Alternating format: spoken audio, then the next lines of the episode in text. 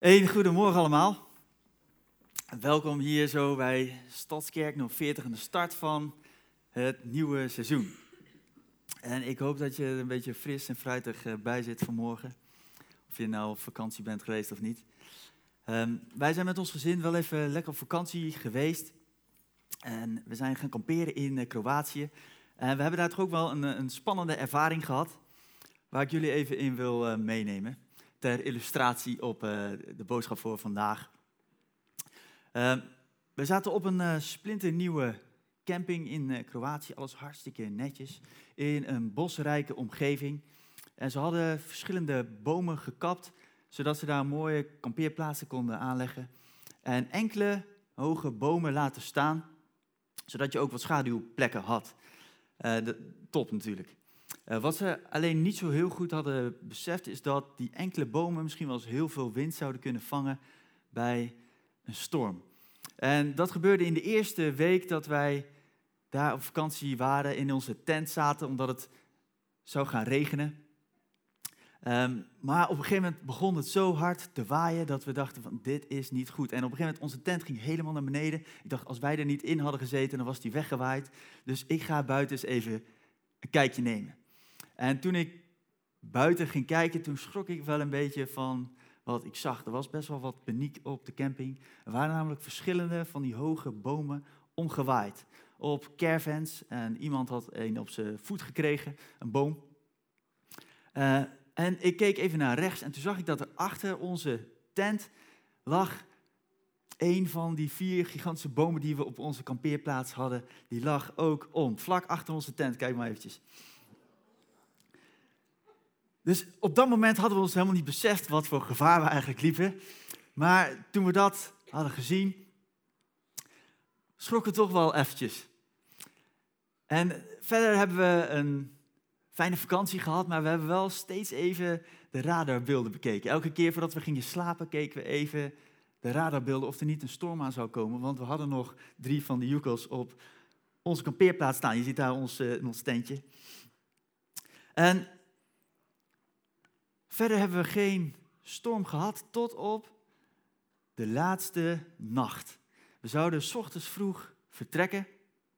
Um, en s'avonds wilden we eigenlijk een beetje op tijd naar bed, maar er was vuurwerk op de camping. De laatste avond, dus we hadden de jongens beloofd, oké, we gaan even dat vuurwerk bekijken. En ik weet niet of je dit ook wel eens hebt meegemaakt, maar wij al vaker. Dat vuurwerk kwam maar niet. En er was een band en die stond muziek te spelen en onze jongens was al in slaap gevallen. En de jongens waren moe, maar we zouden wachten op dat vuurwerk. Eindelijk om 12 uur vuurwerk. Uh, wij konden naar bed. Om kwart over twaalf lagen we in de tent. En meteen vielen we in slaap. En om één uur schrik ik wakker. Door zo'n windvlaag en ik hoor gedonder op de achtergrond. Dus ik pak meteen mijn telefoon en ik kijk naar de radarbeelden. En de radarbeelden zeiden over een uur, anderhalf uur, dat een storm van de, de zwaarste categorie, verschillende categorieën, die zou onze kant opkomen. Dus ik dacht, we kunnen niet in onze tent blijven.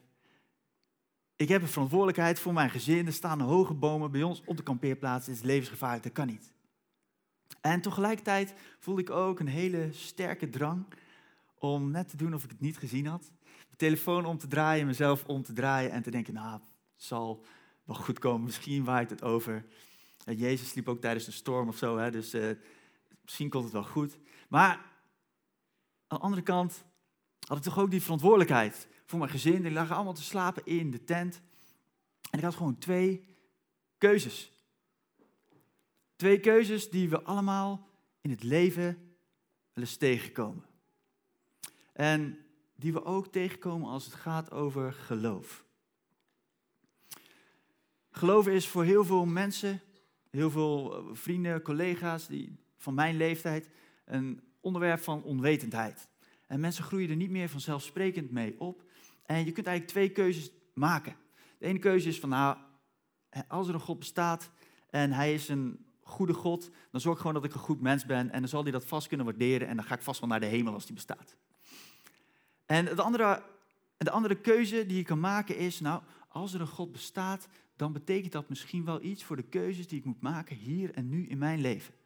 En ik neem de verantwoordelijkheid, ik neem het zekere voor het onzekere door op zoek te gaan naar of die God daadwerkelijk bestaat. En wat het dan zou betekenen voor mij.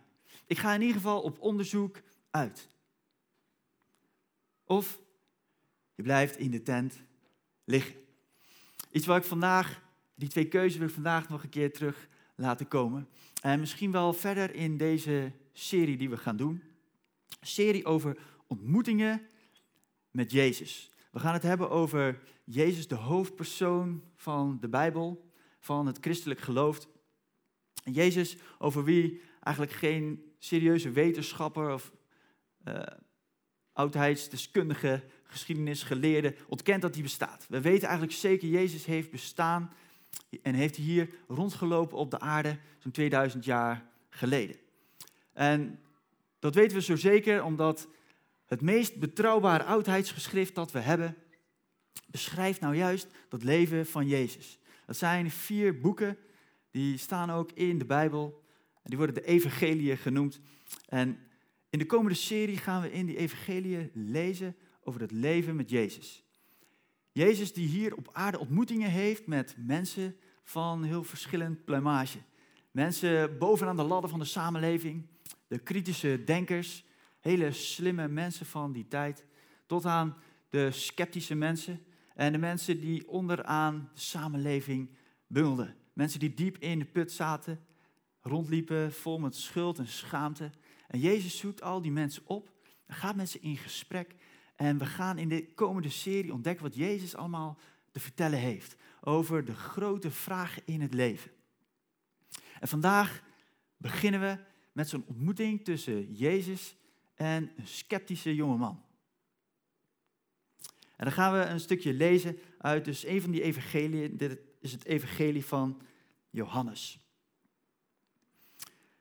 De volgende dag besloot Jezus naar Galilea te gaan en daar ontmoette hij Filippus. Hij zei tegen hem, ga met mij mee. Filippus kwam uit Bethsaida, uit dezelfde stad als Andreas en Petrus. Hij kwam Nathanael tegen en zei tegen hem, we hebben de man gevonden over wie Mozes in de wet geschreven heeft en over wie ook de profeten spreken. Jezus, de zoon van Jozef, uit Nazareth. Uit Nazareth, zei Nathanael, kan daar iets goeds vandaan komen? Ga zelf maar kijken, zei Filippus. In deze tijd waarin zich dit afspeelt, eh, was, waren er ongeveer twee opties na je middelbare school. Je kreeg een basisscholing en daarna kon je bij je ouders gaan werken in het familiebedrijf. Of als je echt heel erg slim was, dan kon je een kans krijgen om een rabbi te gaan volgen. Wat we tegenwoordig doen door je inschrijven bij een universiteit, dat was toen nog niet. Toen kon je de mogelijkheid krijgen om een rabbi te gaan volgen. En ook dat volgen ging even anders zoals we doen in deze tijd. Het is niet een klikje ergens op Instagram of Twitter.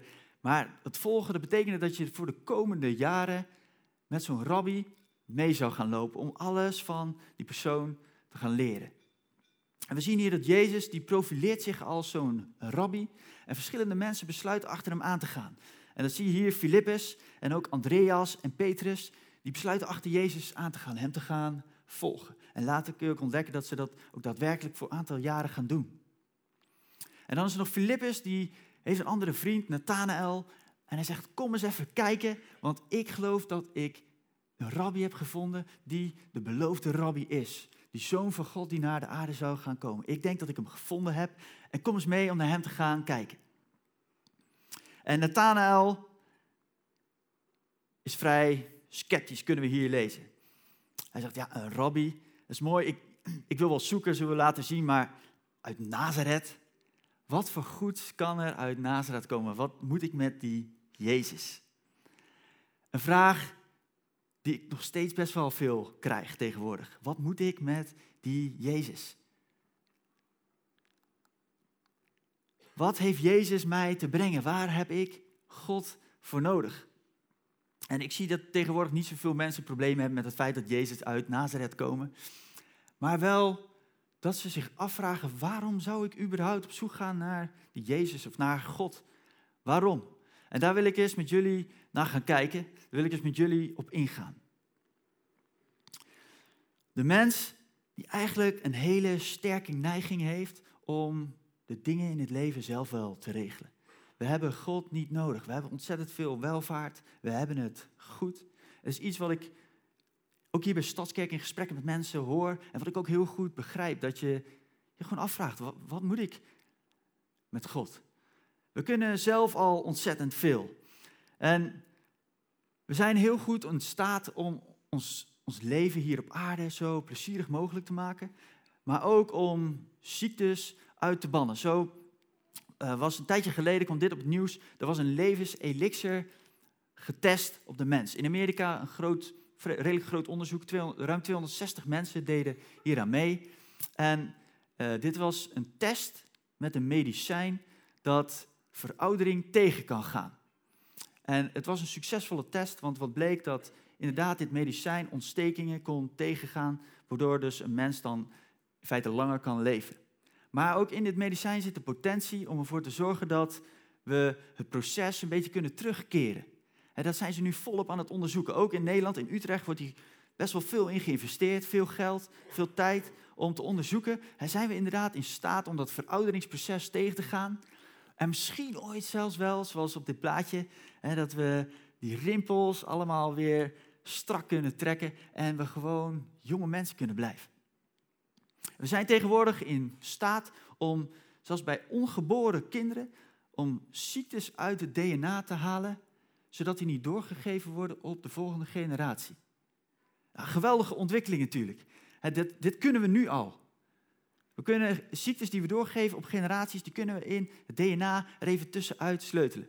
En ook hierin zit een enorme potentie om ook even die grote neus even weg te schaven.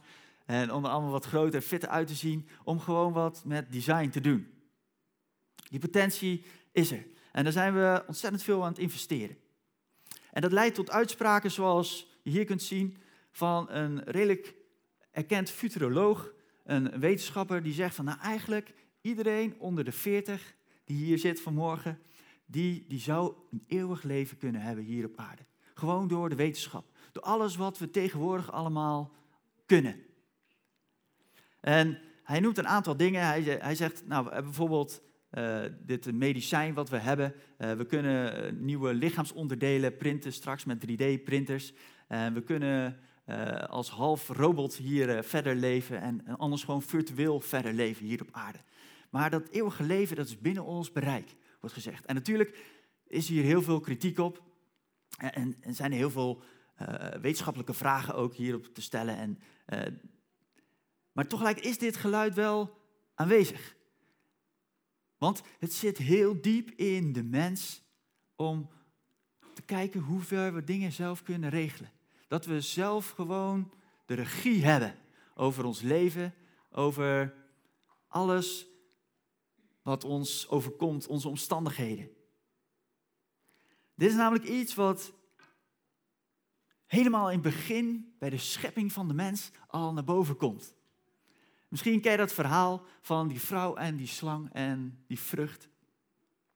En wat je daar kunt lezen is dat die slang zegt, ja, als je van deze vrucht eet, waarvan God heeft gezegd, daar mag je niet van eten, dan zul je worden als God. Dan zul je God niet meer nodig hebben, maar dan ben je zelf God. En uiteindelijk besluit die mens van die vrucht te eten. En die slang die representeert de duivel. De duivel die zelf, daar kun je ook over lezen in de Bijbel, ook zelf die, diezelfde ambitie had. Die, die was een engel bij God, maar hij zegt, ik wil niet langer die God dienen, ik wil zelf als God zijn. En hij besloot zich van God af te stoten. Het zit ontzettend diep geworteld in onze menselijke natuur om zelf de regie te pakken. We hebben God niet nodig. Die welvaart waarin we leven is een zegen waarvan we genieten, maar het is tegelijkertijd ook een vloek. En ik had een geweldig mooi gesprek met een eh, collega laatst. En dat is een hele slimme gast. Hij gelooft niet in God, maar ik heb een hele mooie gesprek met hem. Ook juist over grote vragen in het leven. Hij is een groot fan van futuristische boeken en eh, series. En hij, uh, hij volgt ook al deze dingen. Ik, ik leer ontzettend veel van hem over die ontwikkelingen. En hij zegt, wat me een beetje bang maakt, is dat eigenlijk in al die boeken en al die series we erachter komen dat veel mensen een beetje depressief worden, omdat ze niet meer zo goed weten waarvoor ze dan zo lang kunnen bestaan. En ze zijn in staat om eeuwig te leven, maar wat, wat ga je dan doen met je leven? Waartoe is het allemaal? En ik vond het, vind het machtig mooi dat hij daar zo beredenerend en uiteindelijk ook concluderend na het lezen van al die boeken en al die series te bekijken, achterkomt van ja, we moeten wel een reden hebben. En zolang je de wereld kan redden, ben je lekker bezig. Maar ja, als, als dat gewoon loopt, wat doe je dan nog?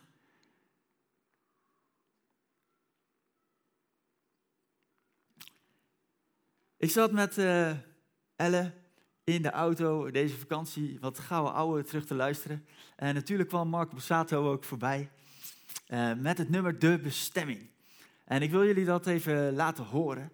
En ik heb het nummer nog een paar keer geluisterd deze vakantie, omdat hier zo prachtig mooi in uitgeschreeuwd wordt. Eigenlijk die, die conclusie die mijn collega trekt. Ja, maar waartoe doen we dit allemaal? Wat is dan die bestemming?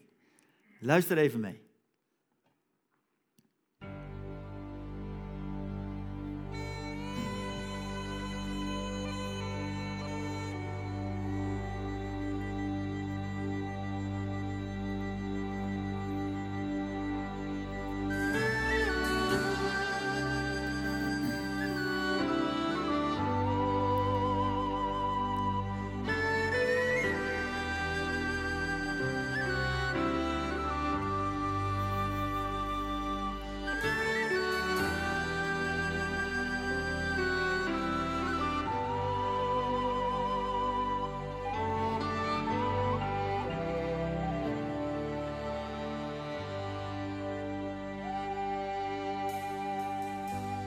Lig op mijn rug in het gras en aanschouw de maan. Ik vraag haar of zij misschien weet waarom wij bestaan. Waarom we worden geboren en straks weer gaan. Maar ze zwijgt en kijkt me lachend aan.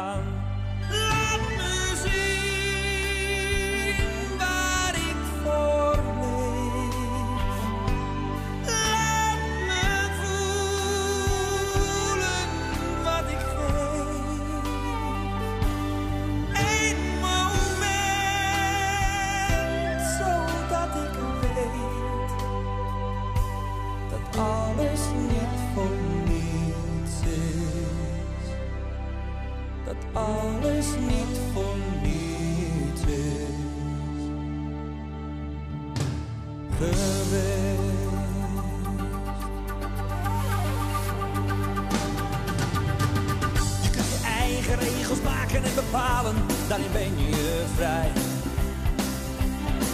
Het spel begint en dat het eindigt is gegeven, maar daar blijft erbij. Er is geen schuld, maar elke stap heeft consequenties voor iedereen.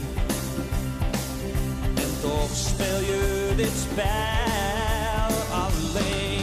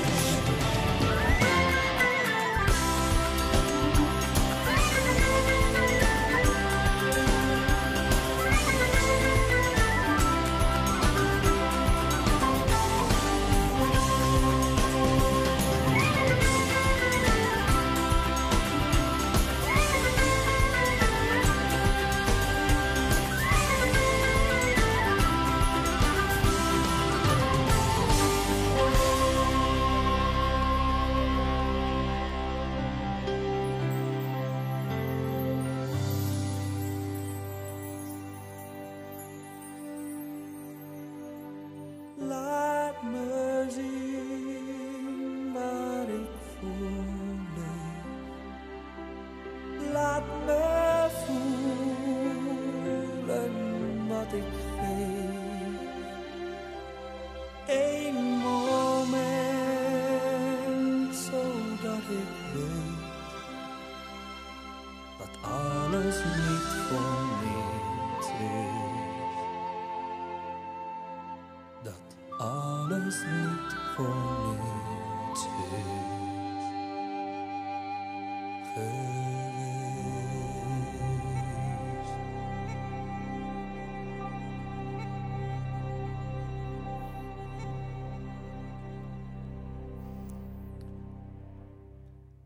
Oh, ik wil dit spel wel spelen, maar hoe moet dat als ik niet weet wat het doel is?